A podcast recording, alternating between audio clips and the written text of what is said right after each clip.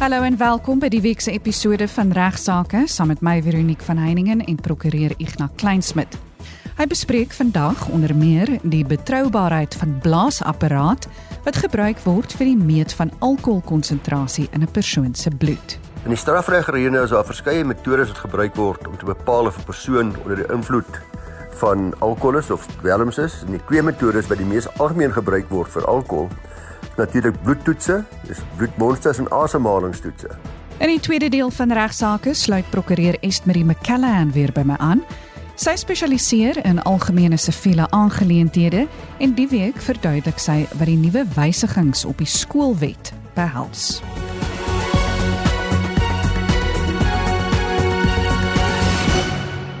Ons skop die program nou eers af met Ignas wat praat oor ons Suid-Afrikaanse howe en die goeie werk wat gedoen word. Hy noem ook 'n paar sake as voorbeeld. Goeiemôre luisteraars. Lekker om weer met julle te gesels. Hoop jy gaan die program geniet vandag.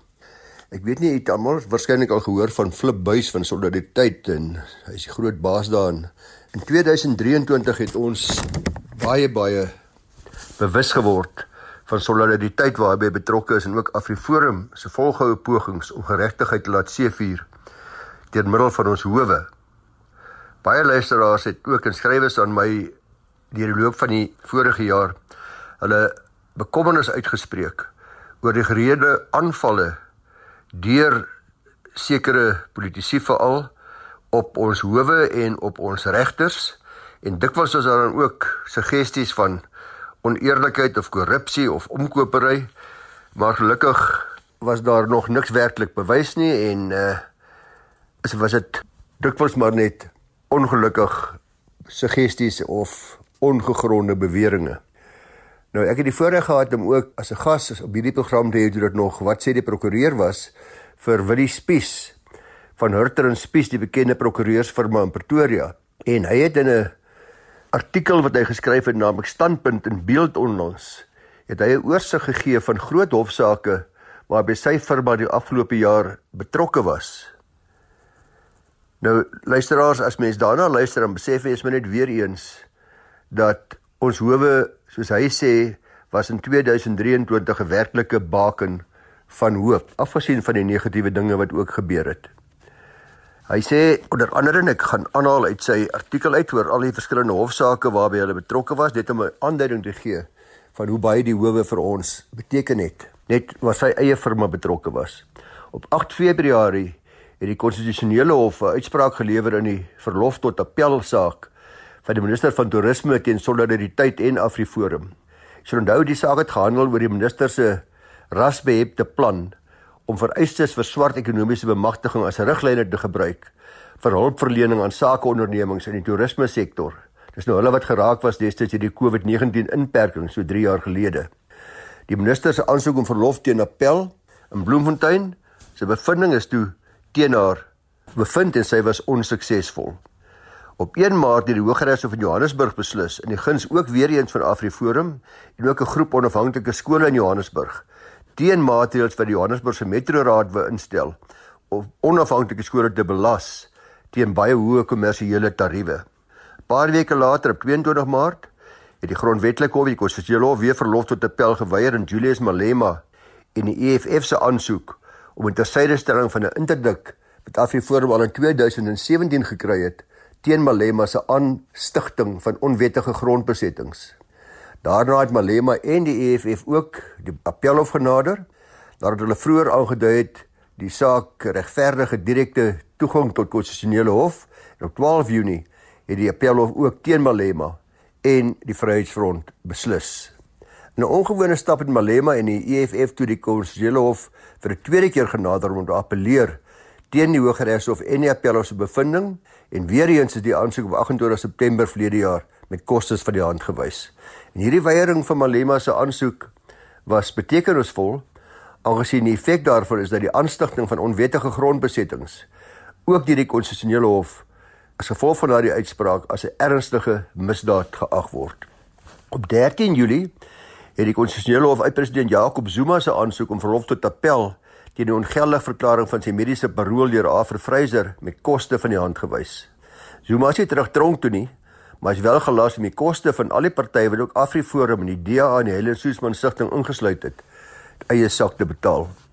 Op 14 Julie het die Hooggeregshof in Johannesburg by monde van adjunkregter president Sutherland 'n aansoek van AfriForum en die F.W. de Klerk stigting 'n vroeëre bevinding deur die Suid-Afrikaanse Menseregte Kommissie dat Malema nie haatspraak gepleeg het toe hy in 'n onderhoud genoem het dat hy nog nie sy ondersteuners aangemoedig het om wit mense uit te wis nie, tersyde gestel.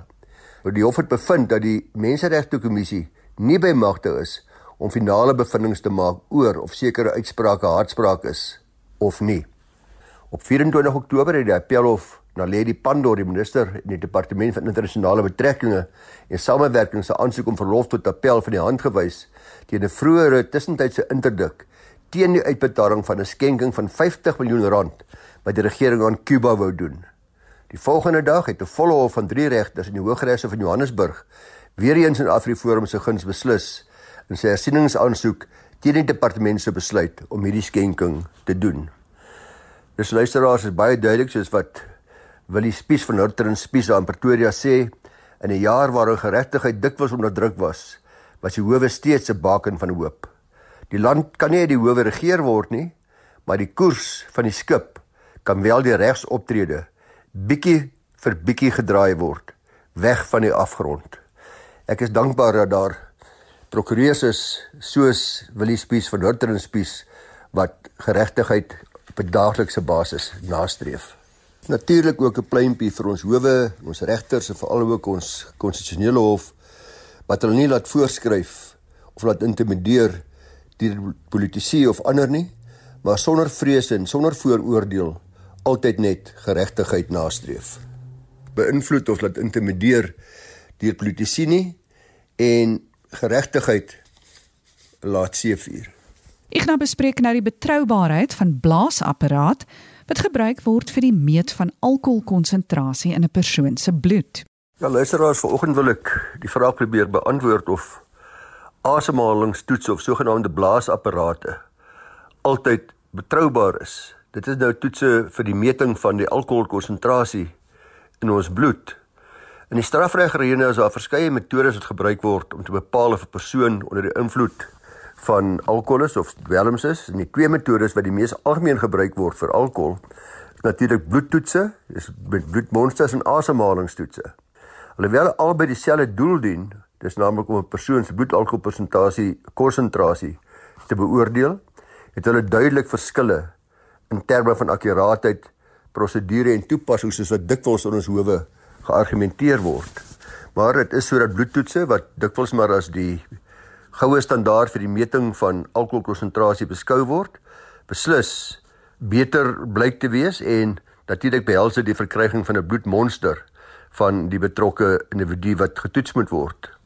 'n Bloedmonster word dan ook deur die nasionale vervolgingsgesag altyd in die praktyk vereis en verkies bo asemhalingstoetse want weer eens omdat dit baie meer akkuraat is en 'n baie meer presiese alkoholkonsentrasie aandui in die bloedmetings.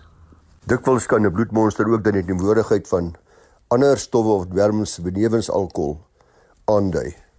Daar was 'n ongerapporteerde saak van 'n baie bekende krom myngroep hier naby Rustenburg teen Willemse en ander waar regter van die kerk uitspraak gelewer het op die 29ste Mei 2023 en in daardie geval was meer Willemse 'n werknemer by die kroommyn reeds vanaf September 2000.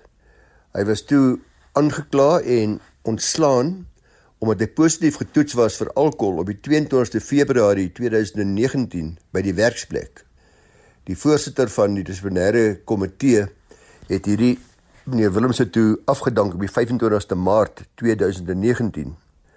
Baie van u wat luister sal weet dat daar by baie groot groepe veral ook die myngroepe en veral waar daar ook met gevaarlike masjinerie gewerk word, 'n zero toleransie of verdraagsaamheidsbeleid is teenoor die gebruik van enige alkohol of dwelms en gewoonlik word alle werknemers dan getoets by hulle aankoms by die werk deur middel van 'n blaasapparaat en baie gevalle sal jy my 'n tweede kans gee en sê dat jy kry 'n tweede geleentheid en as jy twee keer positief getoets was deur middel van die asemhalingstoets dan volg onmiddellike afdanking. In hierdie geval was daar ook so 'n prosedure by hierdie kroommyn. En dit was ook 'n zero toleransie teen alkohol en dwelms en die beleid het baie duidelik het gemeld dat enige werknemer wat die perseel van die myn betree waar hulle asemhalingsalkohol vlak hoër as 0,0% is sal dan afgedank word.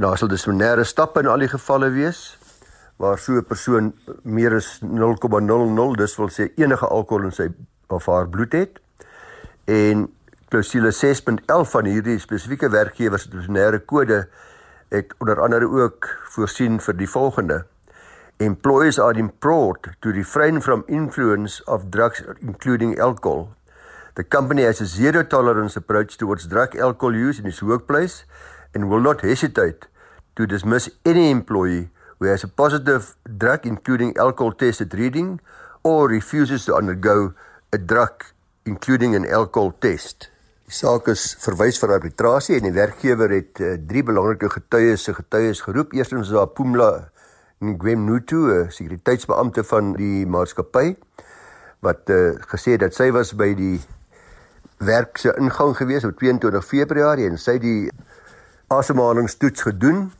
op meneer Willemse en sy het die Alco Blou Rapid Machine toets gebruik. Uitkoms was positief.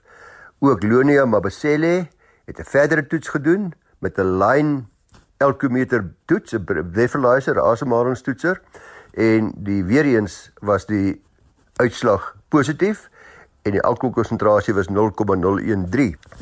Nou verdere getuienis wat baie belangrik was was die van 'n chemiese patoloog, Dr. Jaco Broodtryk en hy het gesê dat 'n uh, Impact laboratorium het ook van dieselfde meneer Willem se bloedmonster geneem en in daardie bloedmonster, dit was 'n plasma ethanol toets, is daar bevind dat daar minder as 0,010 gram streep DL in die bloed was, want die bloedmonster kan ongelukkig nie laer meet as dit nie.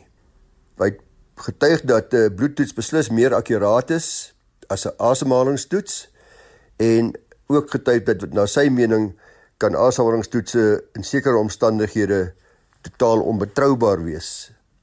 Die werknemer meneer Willemse het getuig dat hy baie goed geweet wat hierdie beleid is van die werkgewer en hy het daarom geen alkohol hoegenaamd gebruik nie. Hy het dan ook onmiddellik na die voorval dat hy sy eie persoonlike dokter gaan raadpleeg dokter Kokemoer op dieselfde dag en daar is toe nou 'n bloedmonster ook geneem en dokter Kokemoer het bevestig wat die uitslag van hierdie bloedmonster was. Die arbiter het toe gekonsentreer op die getuienis van hierdie deskundige, naamlik dokter Broodryk, en hy sê dat dit is 'n goeie getuienis en, en hy maak daarop staat en is beslis sodat uh, die laboratoriumtoetse met die bloedmonster baie meer akkuraat is as enige ander toets en dat dit 'n negatiewe resultaat daargestel het en daarom glo hy dat meneer Willemse het nie die beleid van die myn oortree nie. Die werkgewer was die myn was ongelukkig hiermee en hulle het die saak toe verwys na die arbeidsappelhof toe en in die arbeidshof het hulle geargumenteer dat omdat daar 'n zero verdraagsaamheidsbeleid is, daar tog 'n verbreeking was van die werksplek beleid omdat daar nie beweer word dat meneer Willemse onder die invloed van drank was nie, met ander woorde dronk was nie. Die werknemer was ontslaan bloot omdat daar 'n verbreeking was van die zero verdraagsaamheidsbeleid. Dis nie verdronkenskap nie. Die hof het egter beslis dat die arbiter het geen misverstande gehad nie oor die aard van die ondersoek nie. Slegs die afwesigheid of nie van alkohol in die werknemer se bloed was ter sprake was beslis deur die arbiter en gevolglik stem die hof saam met die arbiter dat daar nie bewys was dat daar werklik alkohol was in die werknemer se bloed. Die bewyslas om te sê dat daar alkohol was is altyd op die werkgewer en die hof sê waar 'n bloedalkohol toets negatief is, dan kan 'n werkgewer nie staat maak op 'n asemhalingstoets se uitslag nie. Ter opsomming dus maak hierdie saak dit baie duidelik dat werkgewers nie te vinnig 'n werknemer moet afdank bloot op die uitslag van 'n asemhalingstoets nie en behoort die werkgewer dit ook te kontroleer of op te volg met 'n behoorlike bloedtoets so gou moontlik nadat die positiewe asemhalingstoets gedoen is. Werknemers moet natuurlik ook kennis neem dat hulle dadelik 'n bloedmonster moet eis indien hulle nie tevrede is met die asemhalingstoets nie of soos in hierdie geval kan hulle self ook dringend na die voorval hulle eie dokter vra, hulle eie geneesheer vra vir 'n bloedmonsterstoets. Dankie Igna. In die tweede deel van regsaake sluit Esmerie McCallahan by my aan. Kom ons hoor wat sê sy. Goeiemôre Veronique en goeiemôre aan elke luisteraar. Vanoggend gaan ek bietjie met julle gesels oor die nuwe wysigingswetsontwerp op basiese onderwyswette. Nou hierdie wysigingswetsontwerp beoog om die Suid-Afrikaanse skolewet en die wet op indiensneming van opvoeders te wysig. Een van die wysigings wat gemaak word in hierdie wysigingswetontwerp is dat dit nou verpligtend is om jou kind reeds in graad R in die skool te sit of wanneer hulle die ouderdom van 6 bereik. In die verlede of soos die skolewet tans staan, raak dit eers verpligtend om jou kind in graad 1 in die skool te sit of wanneer hulle 7 word. Die wysiging beoog om dit verpligtend te maak om alle kinders van die ouderdom van 6 in graad R reeds te sit. So nou is die tydperk wat jou kind verplig is om in die skool te wees van die ouderdom van 6 of van graad R af tot en met die ouderdom van 15 of graad 9. Indien jy nie jou kind in daardie tydperk in die skool sit sonder enige goeie rede nie, is dit 'n kriminele oortreding. Nou die skolewet soos hy tans staan bepaal dat jy dan 'n boete of 6 maande se tronkstraf opgelê kan word. Die wysiging beoog om daardie tronkstraf te vermeerder na 12 maande toe wat jy opgelê kan word as jy nie jou kind in hierdie verpligte tydperk in die skool sit nie. 'n Ander aspek wat ons moet in gedagte hou is die wysigingswetsontwerp bepaal ook dat indien jou kind eers na 30 Junie in 'n jaar 6 word, dan moet hy eers die volgende jaar in graad R gesit word. So jy het dan nie meer 'n keuse om steeds jou kind daardie jaar in in graad R te sit nie. Dit moet dan oorrol na die volgende jaar toe. Die wetsontwerp gebruik die woord moet en nie mag nie. So dit beteken as jou kind na 30 Junie eers 6 word, het jy nie 'n keuse nie. Hy moet eers die volgende jaar skool toe gaan. Nog 'n wysiging wat hulle beoog om in te bring is rakende die toelatingsbeleid van 'n skool. Soos die wet tans lees, is dit die beheerliggaam wat 'n toelatingsbeleid kan opstel en implementeer by 'n skool. Die wysiging bepaal dat die beheerliggaam se toelatingsbeleid binne 30 dae nadat die wysigingswet in werking tree na die departementshoof gestuur moet word vir goedkeuring. Die departementshoof het dan 60 dae om of daardie toelatingsbeleid goed te keur of om hom terug te stuur na die skool toe met kommentaar op verwysigings wat gemaak moet word. Indien jy geen terugvoer van die departementshoof binne daardie 60 dae kry nie, dan word dit geag dat jou toelatingsbeleid goedgekeur is. Maar die kort en die lank hiervan is dat die departementshoof nou die finale sê het oor 'n skool se toelatingsbeleid. 'n Soortgelyke voorsiening word ook vervat in die wetsontwerp wat 'n taalbeleid van 'n skool aanbetref die beheerliggaam moet die taalbeleid opstel, maar dit moet dan ook vir die departementshoof gestuur word binne 30 dae nadat die wysigingswetsontwerp in werking tree. Die departementshoof het dan 60 dae weer eens om daardie taalbeleid goed te keur of af te keur en wysigings voor te stel vir die skool. Wanneer die departementshoof moet besluit of hy 'n skool se taalbeleid gaan goedkeur of nie, moet die departementshoof die gemeenskap in ag neem en die taal wat die gemeenskap praat. Die taal wat die meeste van die kinders praat wat by hierdie spesifieke skool ingesluit word. Die departementshoof sal tipies kyk na hoeveel Engelse kinders of Afrikaanse kinders of Tswana kinders elke jaar by hierdie skool aansoek doen vir toelating en sal dan bepaal of hierdie skool se taalbeleid regtig in die beste belang van die kinders is en die gemeenskap gaan dien waarin die skool geleë is.